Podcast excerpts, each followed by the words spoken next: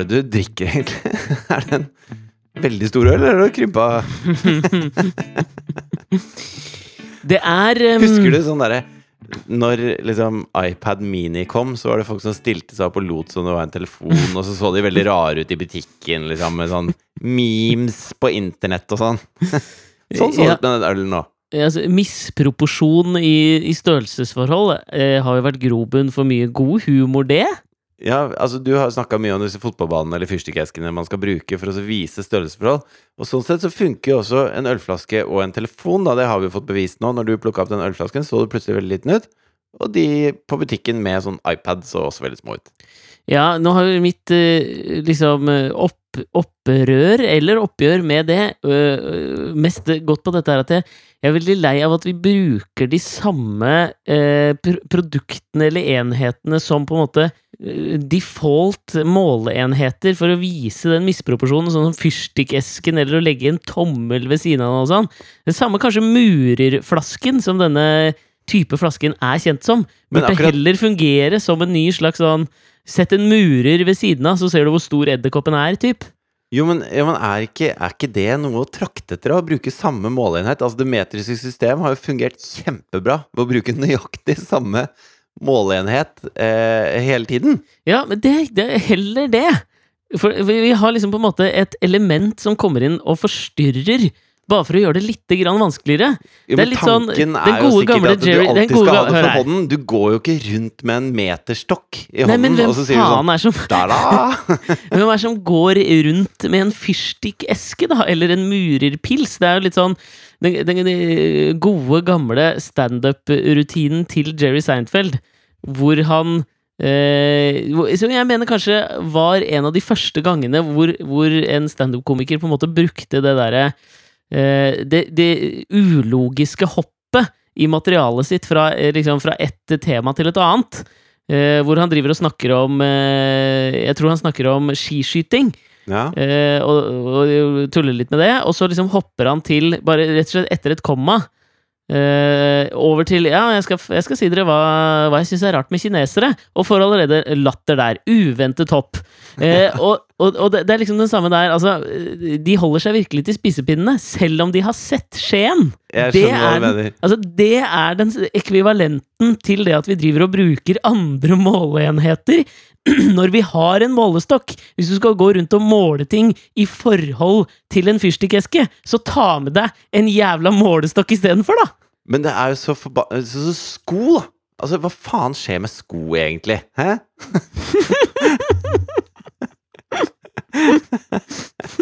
jo, jeg prøver å kjøpe sko til Jeg prøvde å kjøpe sko til Jonathan, fordi han Mm. vokser jo ut av sko hele tiden. Han er jo barn. Ja, Det er jo Eh. noe med den naturlige utviklingen av vekst. Ja.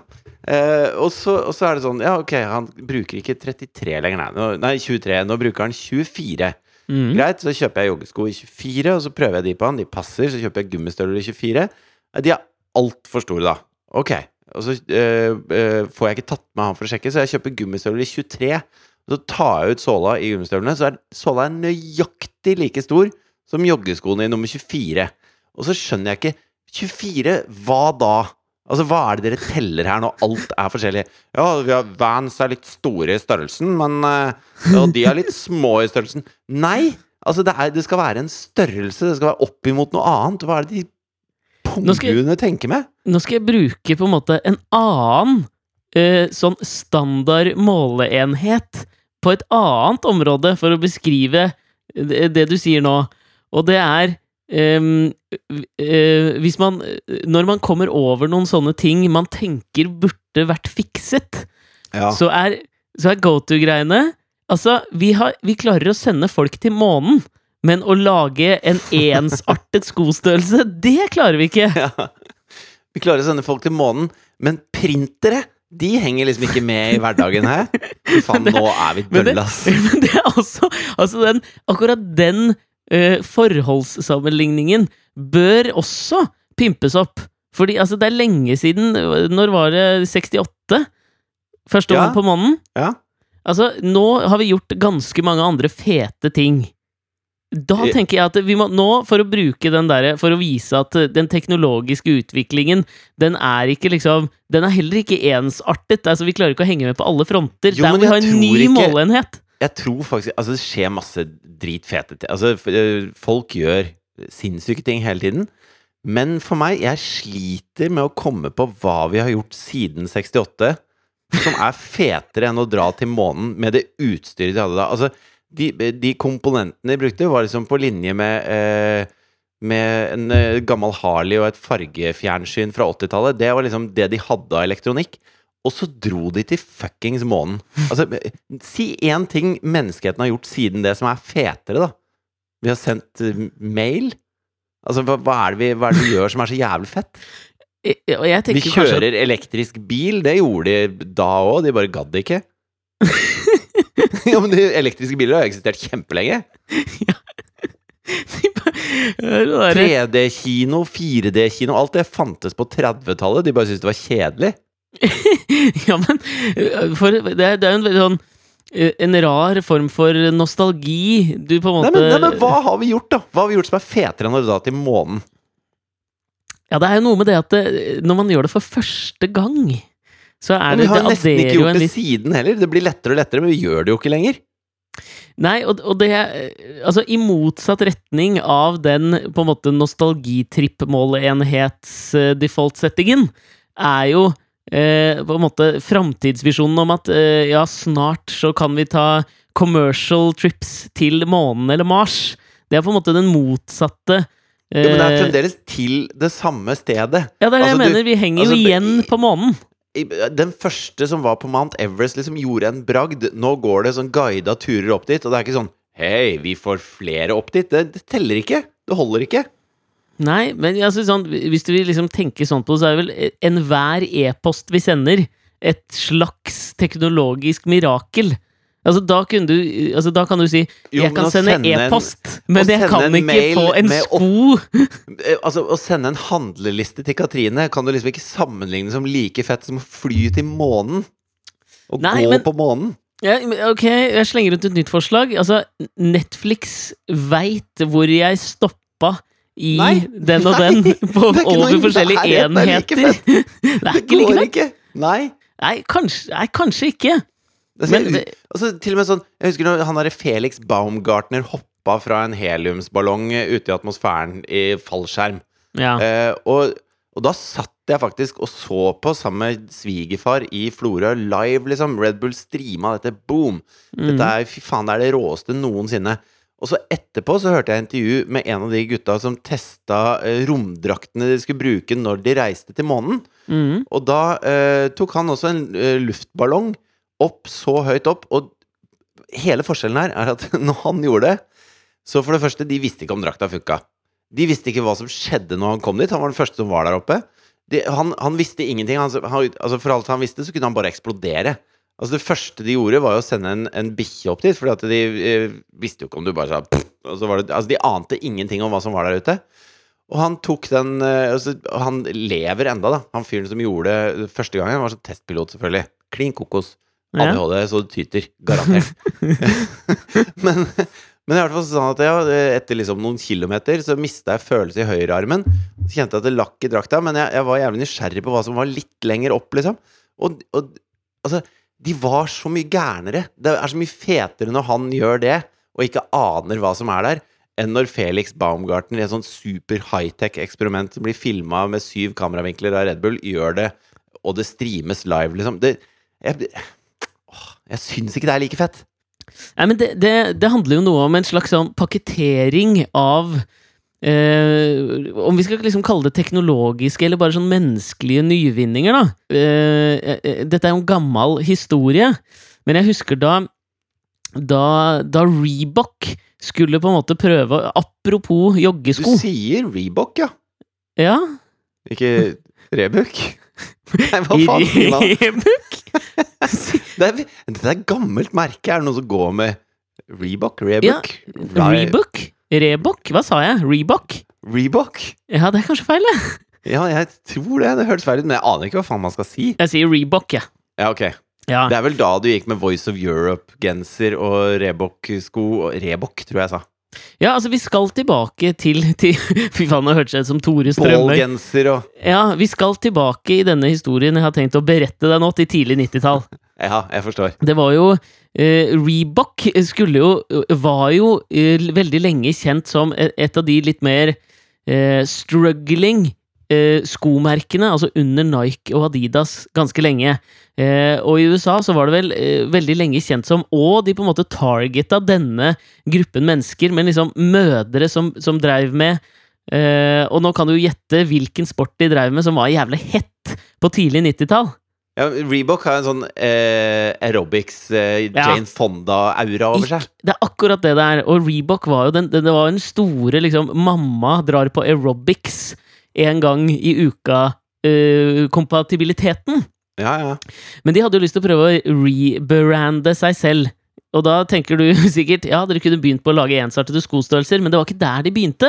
Nei. Eh, Det de gjorde var, altså Dette var før OL i Barcelona.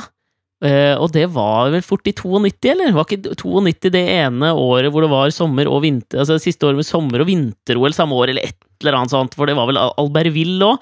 Er jeg ute og sykler? Kanskje! Men Ja, ingen kan faktasjekke dette eh, simultant med at vi prater. Nei. Men la oss si at det var 92, at det var OL i Barcelona, og Reebok skulle nå prøve å på en måte skape da den nye måleenheten for hva Reebok kan være i på en måte joggeskoverdenen. De ville Ja. ikke lenger bare ha mødre som drev med aerobics.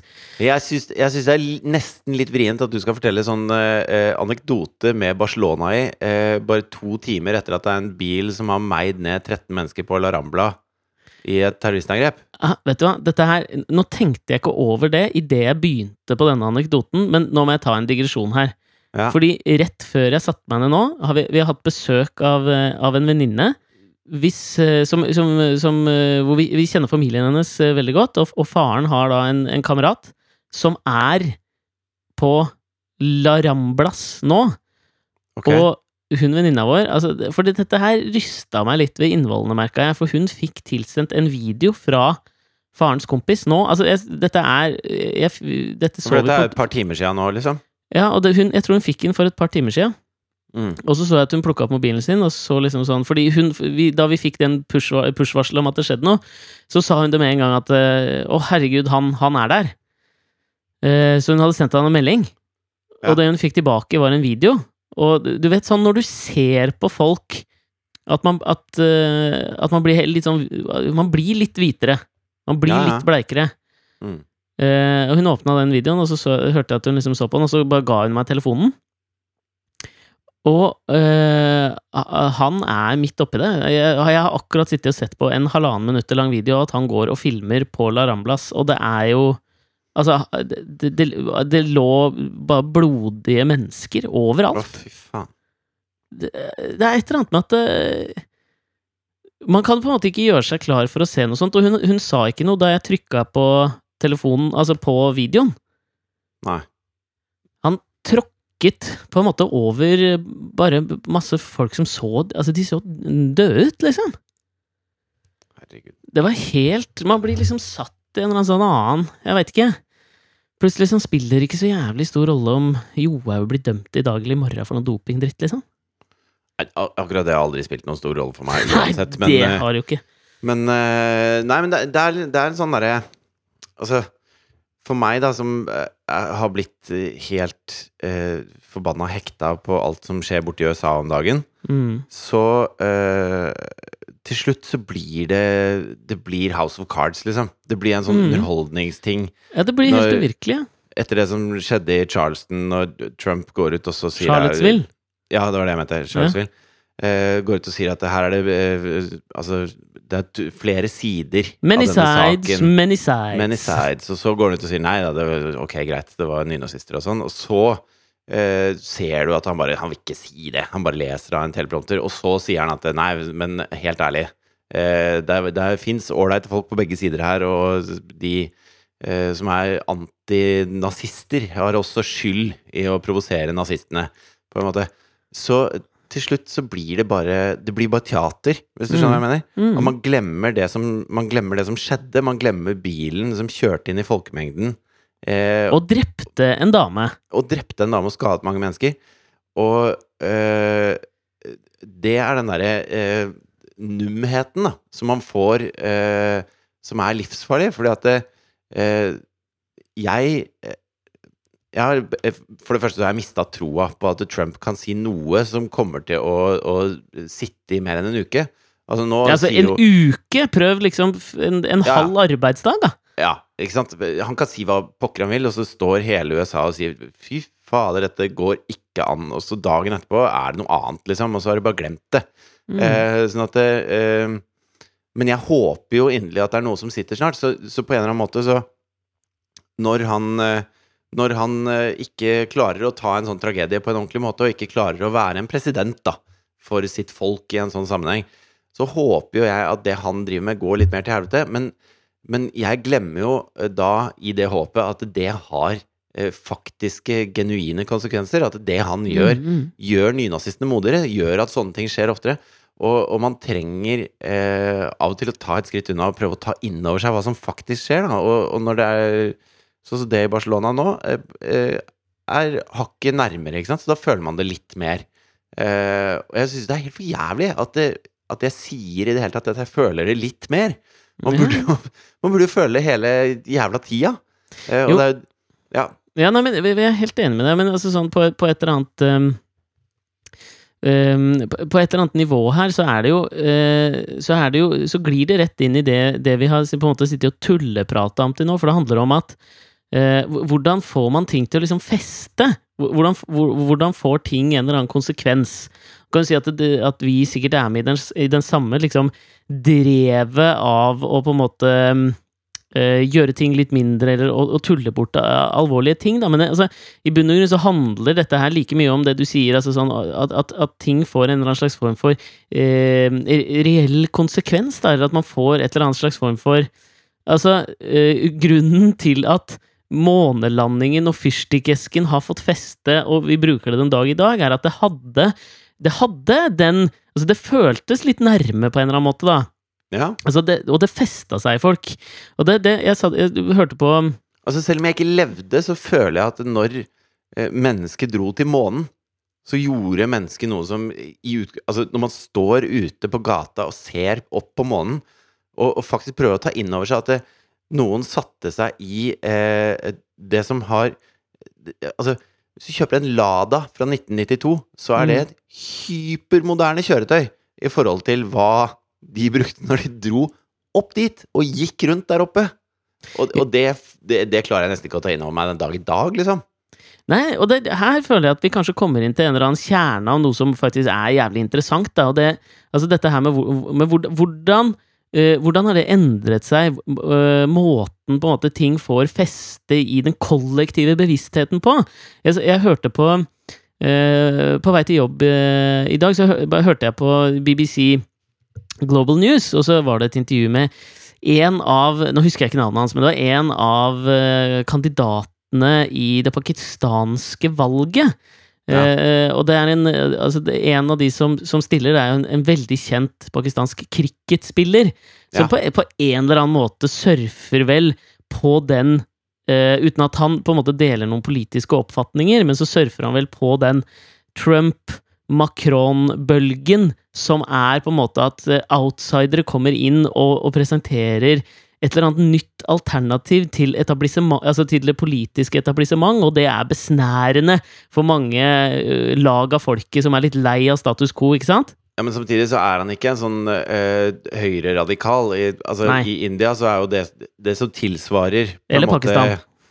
Ja, ja, eller Pakistan. Det samme Ja. gjelder jo India. Altså, Ja. i, I Pakistan er det jo på en måte Altså Grunnen til at Dette har jeg lært litt om nå, fordi at det er 70 år siden India og Pakistan ble frigjort eh, fra britene. Yes. Men da ble jo Pakistan, eh, altså Øst- og Vest-Pakistan som det het da Nå er jo Øst-Pakistan Bangladesh. Men det ble jo opprettet som muslimske stater. Sånn at eh, hinduistiske og muslimske ikke skulle eh, eh, måtte belemres med å ha det samme landet, som de egentlig hadde gjort i mange tusen år, da. Noe som førte Men, til vel den største folkevandringa på jævlig mange år. Ja, Fordi det, folk ville til landet som eh, på en måte ga gjenklang i deres tro.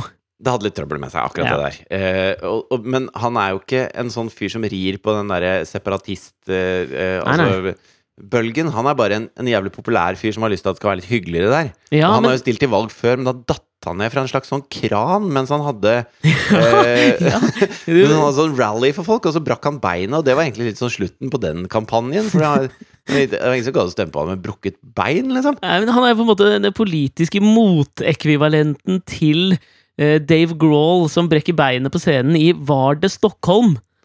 Ja, Det husker jeg ikke, men Ja, ja. men uansett, og så- går også- opp og fullfører konserten. Med gips i, Ja. i rullestol, ikke sant? Ja. Det er noe, altså, for å være helt ærlig, det er noe litt feigt i å på en måte suspendere en valgkamp pga. et brukket bein. Du styrer ikke landet med beina, for faen. Nei, det gjør du ikke. Og jeg vil, jo, jeg, jeg vil jo påstå at det å brekke beina er ikke et tegn på svakhet når du detter ned fra en, altså, en ganske betraktelig Nei, høyde. det kommer an på. Så brekker du lårhalsen, så er det, et, så er det liksom et tegn på svakhet. Da er- Det er da du blir gammel. Ja, når du brekker lårhalsen. Hvis, altså det var vel den store frykten til Bernie Sanders-kampanjen da han runna for president, var at han skulle brekke noe som lårhalsen, som på en Ja. måte hadde oppfylt alle de gammelmannsprofetiene alle motstanderne hans prøvde å pålegge han. Definitivt.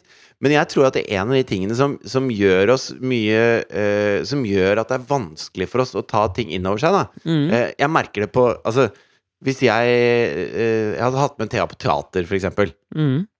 Og da er det Altså, det er helt rått hva de gjør på teater med, når det gjelder kostymer og på en måte Jo, men seriøst. Ja, men liksom, jeg har jeg vet ikke om du har har vært på teater i det siste. Jo, jo, men det er liksom Det er den samme. Dette her nå avslører du liksom nostalgigenet ditt. Fordi liksom Er det helt rått når Ja, de har noen fete kostymer, er- eller er dragene i Game of Thrones rimelig rå? Nei, men det er det jeg skal fram til. Da. Fordi Ja. at teater i dag må konkurrere med, med film som kan gjøre ting i Altså som kan lage hva faen de vil, da. I Game of Thrones. Jeg kjøper de Altså, de dragene ser ut som drager for meg. Ja, ja. Man ser liksom ikke det, det er ikke sånn som i gamle dager, når det var en Ghostbusters-film, og så kom det et monster, og så så det ut som en sånn derre klipp og lim-bullshit som lå oppå. Nå er Ja, ja. det bra, ikke sant? Mm. Nå skal teatret konkurrere, da, og da, da lager de på en måte spesialeffektene på en så analog og dritsmart måte Ja. at jeg sitter og er helt sånn Jeg syns det er dødsfett, da. ja.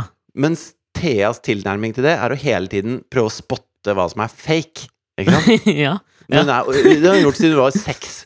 Sier, ja, men han har sånn snor som henger ned der, og det der er jo egentlig bare en hatt det som går rundt der. Og det, her er det noen som har kledd seg i sort, som står bak med en pinne, og da ser det ut som den flyr. Og, ja. ikke sant? Så hun skal, hele hun skal være sånn jævla Derek, sånn Rex, oppi dette og prøve å spotte hva som er gærent. ja, ja, ja. Eh, og da klarer hun ikke å ta det inn over seg, ikke sant?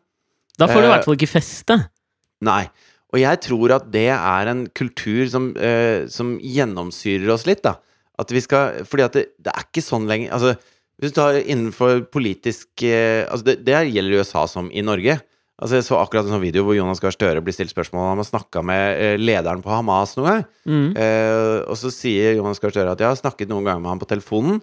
Eh, og det var i forbindelse med fredsforhandlinger mellom palestinerne og israelerne. Og at eh, det, altså Abbas, da, som er lederen, var lederen for palestinerne, er, var, er, var. Hva tenker du? Er? Var, er. han eh, så, eh, Som et ledd i å få Hamas til å snakke med på en måte den valgte palestinske ledelsen, så hadde Støre noen telefonsamtaler som fredsmegler. da Mm. og så blir det framstilt som at Arbeiderpartiet har politisk dialog med Hamas. Og så stiller de da Hva syns du, Siv Jensen, om at Arbeiderpartiet har politisk dialog med Hamas? Og så sier Siv Jensen at eh, nei, fy faen, det kan jeg nesten ikke tro. Og så Ting blir tatt helt ut av kontekst og brukt som noe annet. Eh, Mm. og det er vi blitt så var på, da. Og det er akkurat samme som eh, altså, Borti USA så skjer det jo hele tiden nå. Altså Når Trump snakker om at eh, han syns at eh, disse statuene av disse sørstatsheltene eh, er jo egentlig vakre, og det er trist at det er sånne ting som gjør byen vakrere, blir tatt ned, så er det jo ikke det det dreier seg om. Det dreier seg ikke om at statuene er så fine og gjør torget flottere, liksom. Når de snakker om helsereformen, så snakker de jo om at ja, vi vil at statene skal ha mer makt eh, til å bestemme sjøl hva den staten trenger. Og det kan være en god plan, det er noe man sikkert kan diskutere.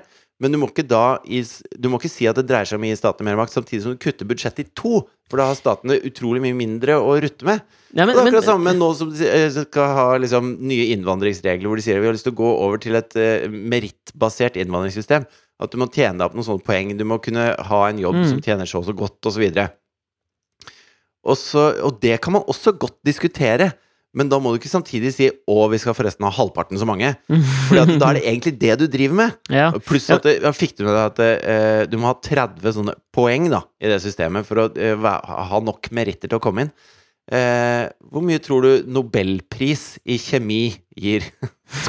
Nei, For det meg står, det står spesifisert hvor mange poeng det gir. Jeg vil jo, altså sånn, Nå vet jo ikke jeg hva høyeste grensen er, men jeg vil jo, vil jo påstå at Du liksom, trenger hadde vært 30 for å komme inn i landet. Ja, men Da tenker jeg at det hadde fair med et par tusen for en nobelpris. Nei, det er feil. Det er feil. Det er eh, 25 får du. Så hvis du bare har det, da, og ikke noe annet, så er du ikke smart nok til å komme inn i USA. Litteratur, da, for eksempel. Hvor mye tror du det gir? Ja, da tror, jeg, det- ja, da tror jeg det ligger ganske mye lavere. Jeg tror vi vaker rundt 8-9. Null. Ja, altså, er litteratur er ikke en, en egenskap eh, som verdsettes i dette systemet. Eh, men nok om det. Det er bare Jo, men nei, Hvis de har lyst til å kappe immigrasjon Nei, jo. Hvis de har lyst til å kappe innvandring i to, så si at det er det du driver med. Fordi at det, ellers så må alle drive hele tiden og ta alt med en jævla klype salt. Og da er det ingenting som er noe fett lenger. For man kan ikke bare si wow! Man må ta Nei. det med en jævla klype salt. Ja, jeg, og jeg skal komme tilbake til denne pakistanske politikeren, men jeg mener bare at øh, det du sier eksempel om, om øh, Altså det som på en måte var kjernen til konflikten i Charlottesville, var jo nettopp denne statuen av den tidligere sørstats øh, For noen helt, for andre monstre. Lee! Nå husker jeg ikke fornavnet hans. E. Men, men, ikke sant? Ja, men, men ikke sant? her var uh, på en måte retorikken og poenget til Donald Trump var jo at hvis du har lyst til å, liksom, hvis du har lyst til å reise rundt og, og rive ned statuer av Confederate leaders som han, eh, Ja. så må du, som, som selvfølgelig var en slaveeier, så må du på en måte eh, begynne å ransake din moralske sjel hva gjelder på en måte George Washington og Thomas Jefferson, som også var slaveeiere. Men her Ja. handler det jo om hva er det som har fått nå? ja, jeg må bare si sånn, for det går jo rett inn i det vi prater om. Er jo, hva er det som har fått feste i deres ettermæle? Og det Ja. er jo noe med å skape en nasjon da, som? Som, som har også fått et visst feste i deres ettermæle. Mens, mens eh, en general som kjempet på sørstatenes side for å opprettholde slaveriet, ikke nødvendigvis har fått det festet også. Nei, det har noe med Hvorfor er det reist statuer av disse menneskene? Altså, det er reist statuser eh, Statuser? det er statuer av Jefferson fordi han var en For det første var han en, en stor oppfinner, en stor Mm. tenker, og han var med å grunnlegge eh, hele USA og skrive grunnloven. Ikke sant? At eh, her er alle mennesker like mye verdt, osv., osv. Det var han med på. Derfor reiste de en statue av han. På si hadde han slaver, mm. som alle andre på den tida. Mm. Jeg syns ikke det er bra. Men, eh, men det er mye de gjorde i gamle dager som ikke er bra. Så, Ja. Men det ikke Men vi altså, reiste vi mannen bra, og har Bra? slaver not so bra. Not so much. Ja. men, men vi husker ikke Jefferson fordi han var så flink til å ha slaver. Nei. Men Robert E. Lee derimot husker vi fordi han var så flink til å krige for retten til å ha slaver. Ja. Og den statuen da trenger vi ikke. Det være, og, det, og det er det det dreier seg om. Det dreier seg ikke om at statuen er så fin, som Trump prøver å si nå, da. Nei, men ikke sant? det er sånn stråmannargumentasjon. Det er jo ikke det det handler om i det hele tatt, og det veit jo han òg! Og det er der det kan komme svinge tilbake til Ja, jeg veit at til han veit det. ja, ja, men det er her jeg tenker svinge tilbake til den pakistanske eh, opposisjonspolitikeren eh, og cricketspilleren jeg ikke husker navnet på, som er intervjuet på BBC Global News. Ja. Og ehm, som på, på en måte som har blitt Har du forresten tenkt over at de heter så mye rart, de der reporterne? Han som heter Umaru Fofana. fana? Nei, Det har jeg ikke tenkt på. Han er vel i Hvor er det det har vært sånn uh, Faen, nå snakker vi om mitt at det leirskredet. Er det Senegal, eller noe? Nei, det er Sierra Leone. Sierra Leone. Freetown i Sierra Leone. Ja. Og han som er altså reporteren fra Sierra Leone, heter Omara Fofana. Nei, det er ikke ja, Jeg holder det! Jeg vet ikke. Men det passer jo da hver gang liksom eh, BBC har en reportasje fra Freetown i Sierra Leone, så er det Nei, sånn for faen, da. Sorry. Det er dårlig humor. Men, men for faen, da. Det det, går ikke det an. å- holder tydeligvis. Altså, ja, nei, holder det? Jeg vet ikke. Hvor var det du skulle? Ja, nei, eh, hvor faen var det Jo, nei, det, det, det eh, mantraet til de opposisjonspolitikerne som på en måte stiller seg på side, siden av det politiske etablissementet, og det er det på en måte de baserer sin valgkamp på, noe som, som Trump gjorde, noe jeg mener også til dels Macron gjorde, selv om han jo hadde en viss En mer sånn Nei, han gjorde det i, alle, eh, i størst mulig grad, selv om han egentlig er en veldig etablissementsperson. Ja, men han hadde liksom aldri hatt et, et slags offentlig verv på den måten, så jeg er enig, han gjorde jo det, han òg. Men han satt vel i Hollande sin regjering, gjorde han ikke det? Nei, jeg tror ikke han gjorde det. Jeg tror Han bare var altså, Han var aldri valgt. Han har aldri vært folkevalgt, på en måte. Nei, men han, han har vært en del av eh, eh, partiet og satt, eh, så, hadde Ja. en ministerpost, tror jeg, i Hollande sin regjering. Det kan, det kan godt være. Dette kan dere google dere fram til. Ja. Eh, altså, sagt, det ikke ta, jeg ikke ta var noe av det vi bare sier som god fisk. Nei, ikke gjør det. Men altså, Bortsett fra Omar Fofana. Det han heter det kan, og det- dette faktumet her, som jeg syns er fascinerende også, at liksom måte altså, Stormen har jo lagt seg litt i Frankrike også etter at Macron tok over. Nå leste jeg en sånn svær sak om hvor Altså, han, han Altså Hvis du snakker om at, at Trump stuper på meningsmålingene og approval-ratingen, så altså Macron ligger jo 10 prosentpoeng under han igjen, etter flerfoldige skandaler som på en måte heller ikke, for meg, da, har fått feste, for jeg surfer fortsatt på heia en marche og liksom Macron-bølgen. Men Men altså det er jo bare én skandale som har gjort det. Og den Nei, det er absolutt flere. ja, men Er det ikke bare det at han har lyst til å gi kona si jobba? Nei, han har jo tatt et, et offentlig oppgjør med den ø... Altså, nå, eh, eh, jeg er ikke bevandret i militærsjargong, så jeg vet ikke hva den øverste militære lederen i et land heter. I noen land heter han Kim Il-jung, men i Frankrike og vanlige demokratier så er det noe annet. Men han tok et offentlig oppgjør med han, som gjorde at han, altså, sånn, at han, eh, han valgte å si opp. Hvor Macron mente det at hvis presidenten sier noe til deg, så er det det som gjelder, ikke liksom hva du mener er riktig. Altså Det er noen sånne eh, Ja. litt sånn autoritære trekk, da, som, liksom, som du kanskje heller kjenner igjen fra type litt sånn bananrepublikker i Afrika, hvor en eller annen sosialistparti har tatt over, og så blir det en pervertert form for sosialisme som kommer. Ja, men du, hvis vi snakker om dårlige målestokker på hva, eh, på hva man bruker av målestokker her, så er det å si Det er så innmari bananrepublikk å si det greiene der, altså. Det er også en målestokk vi godt kan legge fra oss. Ja, Mener du det, eller? Jeg føler at den fortsatt Altså, er en slags gangbar. Bananrepublikkene kommer jo fra de eh, Altså, i Latin-Amerika, de landene som eksporterte mye banan. Og som hadde styresetterrepublikk. Men det var bare for show, den republikkdelen av det. Det var jo sånne diktatorer som ble Hvor Dole og sånne store Dole? Dole? Dole? Ja. Rebook? Vet ikke. Dole. Dole Ja. var inne, og, og det var jo så korrupt at det tøyt etter. Og da ble de diktatorene kalt sånne bananrepublikk. Men det er så gammelt å si, Alex. Nå har det kommet Ja, drassene med Seinfeld, og jeg har kommet med månelandinger. og vi, nå begynner det å bli gammel podkast, ass! Ja, jeg skjønner, men la oss si at vi, kan i hvert fall si at sånn, Venezuela PT er vel liksom det nærmeste vi kommer en latinamerikansk bananrepublikk fortsatt, kan vi ikke det? Jo det, Ja. Men de er driver jo mest med olje, da, så da burde det hett liksom olje... Oljerepublikk, men da på en måte Ja. er Norge involvert en eller annen, på en eller annen måte. Men uansett, det den pakistanske opposisjonspolitikeren som surfer på bølgen av utenforskap fra det politiske etablissementet, sa, som jeg Ja. mente kunne passe inn som en slags betraktning i denne pågående diskusjonen, var følgende. Altså, det handler jo på en eller annen måte om hvis du skal finne ut og skjønne hva som får feste, det er det, som, det er det alle måte, politikere i Norge nå prøver å gjøre i valgkampen. De prøver å, å, å, å finne den saken som får feste også i den norske folkesjela. Det er derfor vi ser alle de Plutselig dukker det opp en slags verdidebatt, plutselig dukker det opp ditt og datt. Men det han sier, som jeg mener vitner om at han ikke har forstått hvordan dette funker, det er at han, han, han går på en lang liksom eh, tirade om politikernes løgner, og, øh, og at det, altså, det er folk lei av. Og Ja. at Og, og ikke sant, hittil følger jeg ham. Det, de, Mm. de, den ser jeg. Men, men han trekker da slutningen om at øh, folk registrerer alle løgnene til politikere som foregår, og det gir dem ikke lyst til å stemme på dem, og det gjør at de mister troen på liksom, demokratiet og på liksom, politikere og alt mulig. Men jeg mener at han tar liksom, grunnleggende feil der, ettersom flesteparten av løgnene nettopp ikke får feste i på en måte, den kollektive bevisstheten. Det er det, vi, det, er liksom det som har skjedd. Det er derfor jeg har ikke fått med meg at liksom At Macrons valgløfter er blitt brutt som en uh, fullkornsspagetti. Nei, men jeg, jeg, tror man, eh, jeg tror ikke at man klarer å gjennomskue eh, løgnene når de sies, nødvendigvis.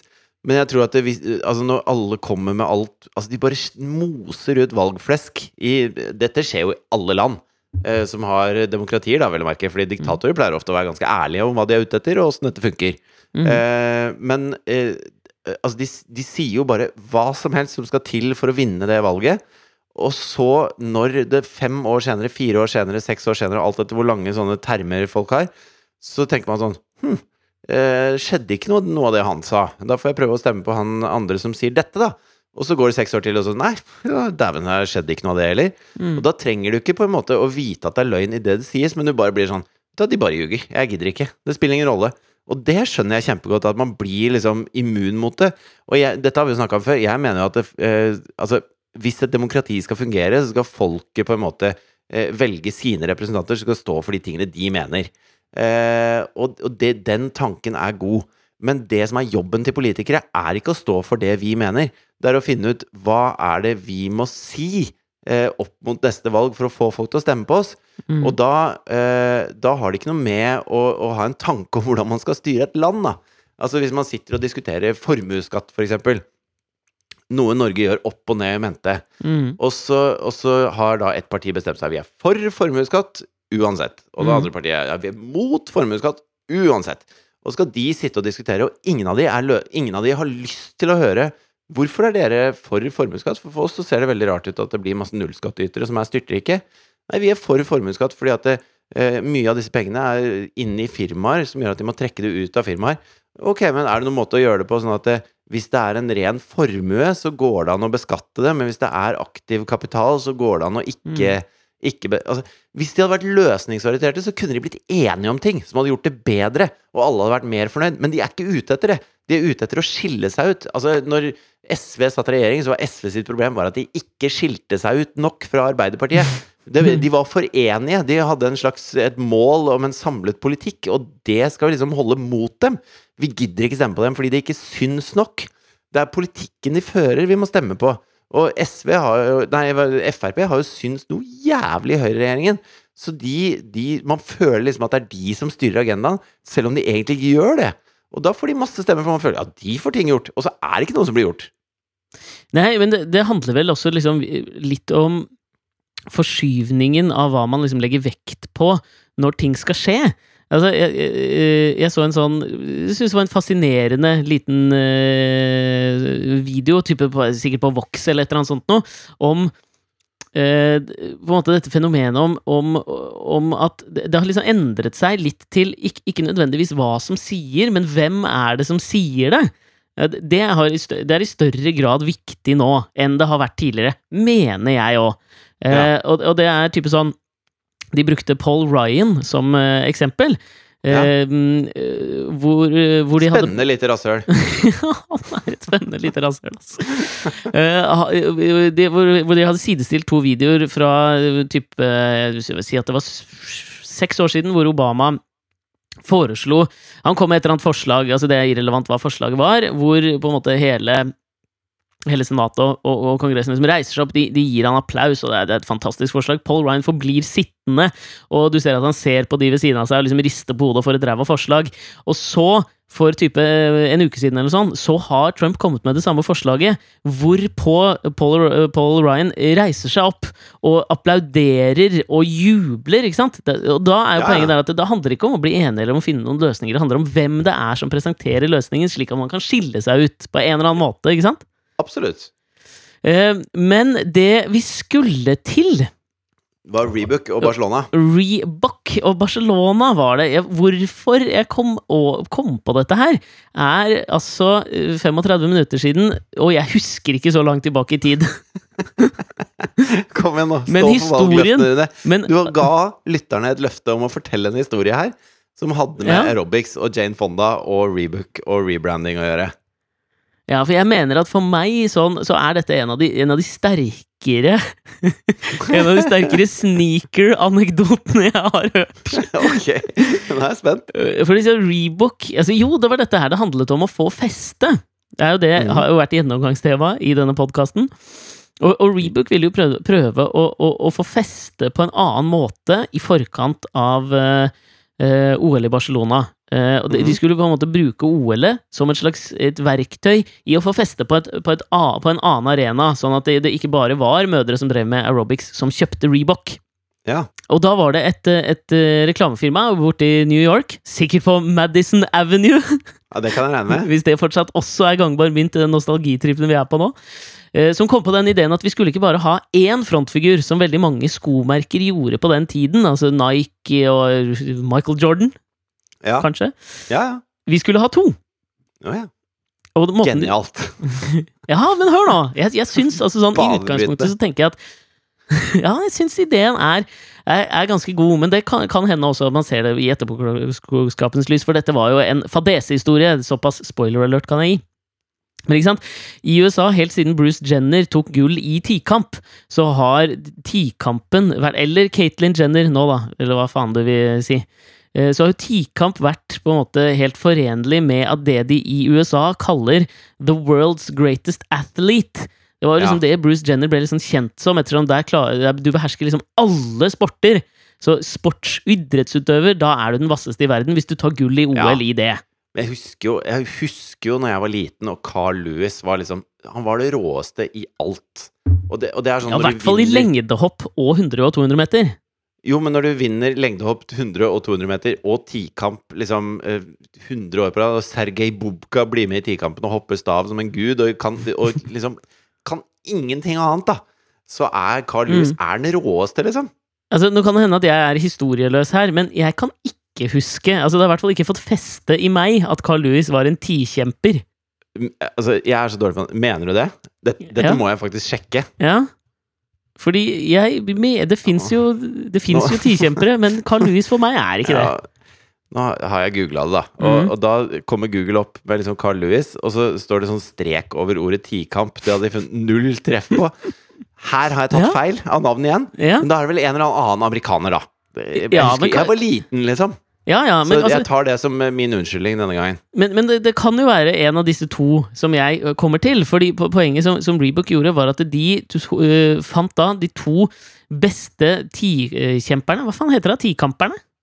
Tikamputøverne, tror jeg de sier på NRK. Tikamputøverne i USA, som var Dan O'Brien og Dave Johnson. Og de var to vasse jævler på tikamp. Ja. Uh, og, så, og så liksom lanserte de hele denne kampanjen på Superbowl i 1992. Uh, altså i, helt i starten av året. Og, og allerede da så var jo på en måte Superbowl-reklamene uh, viden kjent for at de, de var ikke bare dyre, fordi det var mange som så på, de skulle også være jævlig De skulle være, de skulle være fete. Ja. Eh, og det dette reklameselskapet gjorde, da, var altså i den øh, Hva faen er det det heter, da? Omganger? Innings? Hvem faen veit? Men helt mot slutten, når flest ser på, Ja. så kommer det da en reklamepause hvor Reebok gjør det geniale at de istedenfor å ha én litt lengre reklame i reklamepausen, som på en måte presenterer dette, så, så sprer de det ut med på en måte fire 15-sekunders snutter gjennom hele reklamepausen, som først begynner med liksom barndomsbilder av Dan og Dave ja. og, og bygger dem opp gjennom flere klipp, helt fram til at det blir avslørt at disse to på en måte skal kjempe om å bli the world's greatest athlete i Barcelona om noen måneder. Og folk gikk jo Altså, det, de gikk mann av huset. Det slo ned som en jævla bombe, eh, denne reklamekampanjen. Og Dan og Dave ble liksom De ble nasjonale kjæledegger. Alle elsket Dan og Dave. ja. Og hele dette bygget jo på at begge brukte Reebok-skoen, men hvem av dem var det som skulle vinne? Og så er det jo sånn i USA, dette vet jo sikkert alle, men de har jo en slags en annen form for uttagning til det olympiske laget som reiser til eh, olympiaden. Ja, du må ha 30 poeng, må du ikke det? Du må ha 30 poeng. de- har noe som heter tryouts, da. Så, så på en måte det er ikke noe sånn Det er ikke en slags kumulativ prosess av sesongen din som avgjør, sånn som vi eksempel har i Norge, da. Ja, sånn hvor Petter Northug kan si Åh, jeg syns det er litt dårlig gjort at jeg ikke får være med. Ja, ikke sant? Her har Ja. de på en måte De har én, eh, et stevne, og hvis du vinner det, eller kommer på andreplass i det, eller hvor mange du skal ha med, da, så kommer du til OL. Så det handler alt om hvordan du gjør det i disse tryoutsene til OL. Som er rett før OL, ikke sant? Ja, det er seks uker før, eller noe sånt, så det er, man veit ikke at noen skal reise. Så, men Reebok tenkte jo faen, vi tar jo ingen sjanse når vi kjører inn disse to. Altså, hvem faen andre? Disse to er, Det er de to beste i verden. Det er klart de to kommer til OL. Det handler jo egentlig bare om hvem av dem som tar gullet, og hvem av dem som tar sølvet. Ja. Uh, og i tryoutsen så ehm, Så leder de selvfølgelig. Eh, Dan og Dave ligger eh, head to head. Og, og bare, altså Dette skal de bare surfe inn. Men så kommer det til Sergej Bupkas favorittøvelse, nemlig stavsprang. Som jo Ja. er den fryktede Og det skal Sergej Bubka ha. At der er han god. Han er rå, altså! altså For dere som ikke veit hvem Sergej Bupka er, så det får dere bare ta og google. Han var rå, ass. Han var rå, ass. Men altså, så kommer da Dan, altså Dave Han er, han er for stavsprang det jeg trodde Carl Lewis var for Tikam. Helt riktig! men, men så skjer jo det utenkelige, og det er at Dan, han ryker i stavsprang. For der er jo regelen sånn at hvis du setter baren, som sikkert det er, å sette lista Høyde, legge høydehopp, stavsprang. Ja, ikke sant? Det kommer derfra. Fått feste det. Men han setter den for høyt i første hoppet, og da kan du ikke begynne å gå nedover igjen. Da må du klare det, og så har du tre forsøk. Og han ryker på stavsprang, og kommer seg ikke til OL. Rookie mistake, ass. jo, men seriøst. altså, hvis du først skal gjøre det der i et tryout-stevne, Ja. så, eh, så har du vel testa å hoppe stavsprang en Ja, men del? det er jo Du klart vet han har det! Du Men vet altså- jo hvor mye du klarer! Jo, men ikke sant? det handler jo også om at du må jo på en måte spare på kreftene dine. Dette her går jo over to dager, det er jo en hel haug med øvelser hver dag. Så du har jo Ja. lyst til å ikke sette den lista for lavt heller, og bruke Men opp verdifull tid og krefter. Sorry til alle som sier sjakk er idrett og sånn, men stavsprang er ikke den mest slitsomme øvelsen. altså, fuck you guys. Altså, golf ja, ja ja. Du holder på hele dagen og går rundt på plenen og sånn, men, men det fins mer slitsomme ting. Ja, det gjør det. Maraton er mer slitsomt. Jeg er helt enig, men jeg tenker jo at det har en eller Du skal viss spare krefter hos deg, ikke spare på stavsprang, da. Din nerd. ja, Det kan jeg være enig i, men jeg tenker jo kanskje stavspranget på en måte hadde den største mentale påkjenningen på både Dan og Dave, ettersom dette var den fryktede øvelsen, så man kanskje ville vet ikke, bli ferdig med det fort, eller hva veit jeg, men Dan ryker nå for faen i hvert fall ut! Ok, greit. Og, og det blir jo fullstendig oppstandelse i Rebook-leiren. Altså, Nike-leiren jubler jo, ikke sant? For dette Ja. er jo det beste som kunne skje dem. Eh, all den tid Reebok virkelig fikk feste med denne annonsen Men eller den Du som har så fingeren på pulsen, hva skjedde i Adidas-leiren? da? Jublet de? Ja, de jubla faktisk, de òg. ja, de gjorde det. Ja, Ja, de okay, gjorde det. Eh, Men det som skjer da, er jo at måte, eh, alt faller litt i fisk, og det faller litt i fisk for Dave også. Ettersom han kommer til OL, men hans kumpan og ikke svirebror, da, men en slags uh, treningssvirebror Nei, de var venner! Uh, han er jo ikke med, så, så, så Dave uh, tar heller ikke gullet. Han tar bare bronse i eh, OL. Ja. Så, så på en måte alt faller i fisk for dem. Eh, og dette fører jo til traumatiske opplevelser for Dan som ryker ut, og det tar mange år før han klarer å komme seg tilbake i på en måte tikampsirkuset, hvis man noensinne kan kalle det et sirkus. ja, det kan man kalle det. Men så er det jo denne fantastiske rise and fall-historien her, som er at, at Dan på en måte kommer tilbake da flerfoldige år senere og faktisk tar det OL-gullet som var meningen at han skulle ta i 1992. Eh, og dette er for meg liksom sånn Det er en, en helt fantastisk historie, syns jeg. Eh, men det handler jo om at det er ingen nå som husker egentlig at Dan O'Brien tok OL-gull. For det som fikk feste, det var Reebok-kampanjen som frontet han og Dave Johnson til hvem av dem blir The World's Greatest Athlete med Reebok-skoen. Det var det som fikk feste hos, i den kollektive bevisstheten. Det var ikke at Dan O'Brien kom tilbake som en slags fugl føniks opp fra asken og tok det OL-gullet, som i utgangspunktet for meg er en helt altså, ti ganger mer fantastisk historie enn det et eller annet reklamebyrå på Madison Avenue prøvde å komponere da i opptakten til sommer-OL i Barcelona i 1992, og det var derfor vi kom inn på det nå helt i start av denne podkasten. En time senere føler jeg at vi har vært gjennom noe som kanskje kan være litt interessant, nemlig dette her hvordan får ting feste i oss. Jeg skal, altså, hvis vi skal avrunde med en liten eh, anekdote, da, Mhm. så er det at en av de tingene som bør feste seg Det har vi for, hatt for lite av i denne podkasten. En av de tingene som bør feste seg hos folk, er viktige datoer. Dette var jo noe vi snakket om forrige gang også, når jeg på en måte glemte da kollektivt din bursdag ikke på en måte. Nei, på alle måter. Ja. Din bursdag og din datters bursdag, hvor jeg også da er fadder for din datter. Ja. Den bursdagen glemte jeg. ja. Og så har jo bursdag eh, Nei. Og så, sorry. Og så har jo Jonathan nå fylt tre år, ikke sant? Ja, ja, ja. Eh, og da tenkte jeg jeg skulle bake kake, så jeg begynte å bake kake på tirsdag. For jeg tenkte jeg har det litt travelt på onsdag, og han har bursdag på torsdag. liksom Mm. Så eh, da bakte jeg ferdig kake, eh, og så ble det jo litt sånn ble en litt raff kake, da. Jeg må liksom leve opp til kakeringen og sånn. ja. Brukte litt tid, så jeg var ferdig sånn eh, ti på tolv ja. på, på natta. Jeg kan skyte men- inn en liten semianekdote på sida her. Ja. Kakeanekdote. Det var Ja. at du var jo her nå eh, forrige uke og i familiebursdag til Klara, hvor jeg hadde spurt deg om nettopp dette, om du kunne rett og slett bake en kake. ja, så jeg har bakt, bakt en del denne uka her, ja. Ja, Det var en slags firelags sjokoladekake med flere etasjer og en, en eh, frekk diplomatkrem. eh, Ja, ja. Inn i midten. Eh, men, og jeg har jo gitt deg Det var, et slags nikk, det var en nikk til at du kaller Jonathan min sønn for direktøren. Da. Ja, tenkte ja. jeg skulle lage en diplomatkrem til dattera di. Ja, ja, altså jeg syns det var gjennomtenkt. Eh, altså Konsept var på linje med Reebok-kampanjen. Gjennomføringen var ikke på linje med Dan, mer med Dan anno liksom åtte år senere. Men eh, det som er fascinert, for jeg har gitt deg en litt sånn hard time pga. kakekrigen noen ganger. Men du Ja. skal ha for det, altså, at eh, kaker forener folk. Altså det var jo Ja, Folk det stimlet det. altså Dette var fascinerende. Folk i min familie og Maris familie stimlet rundt deg på kjøkkenet. Og kan det også ha noe å gjøre med at du selv ville skjære opp kaken? Jeg ville ikke, jeg ble tvunget til å skjære opp kaken.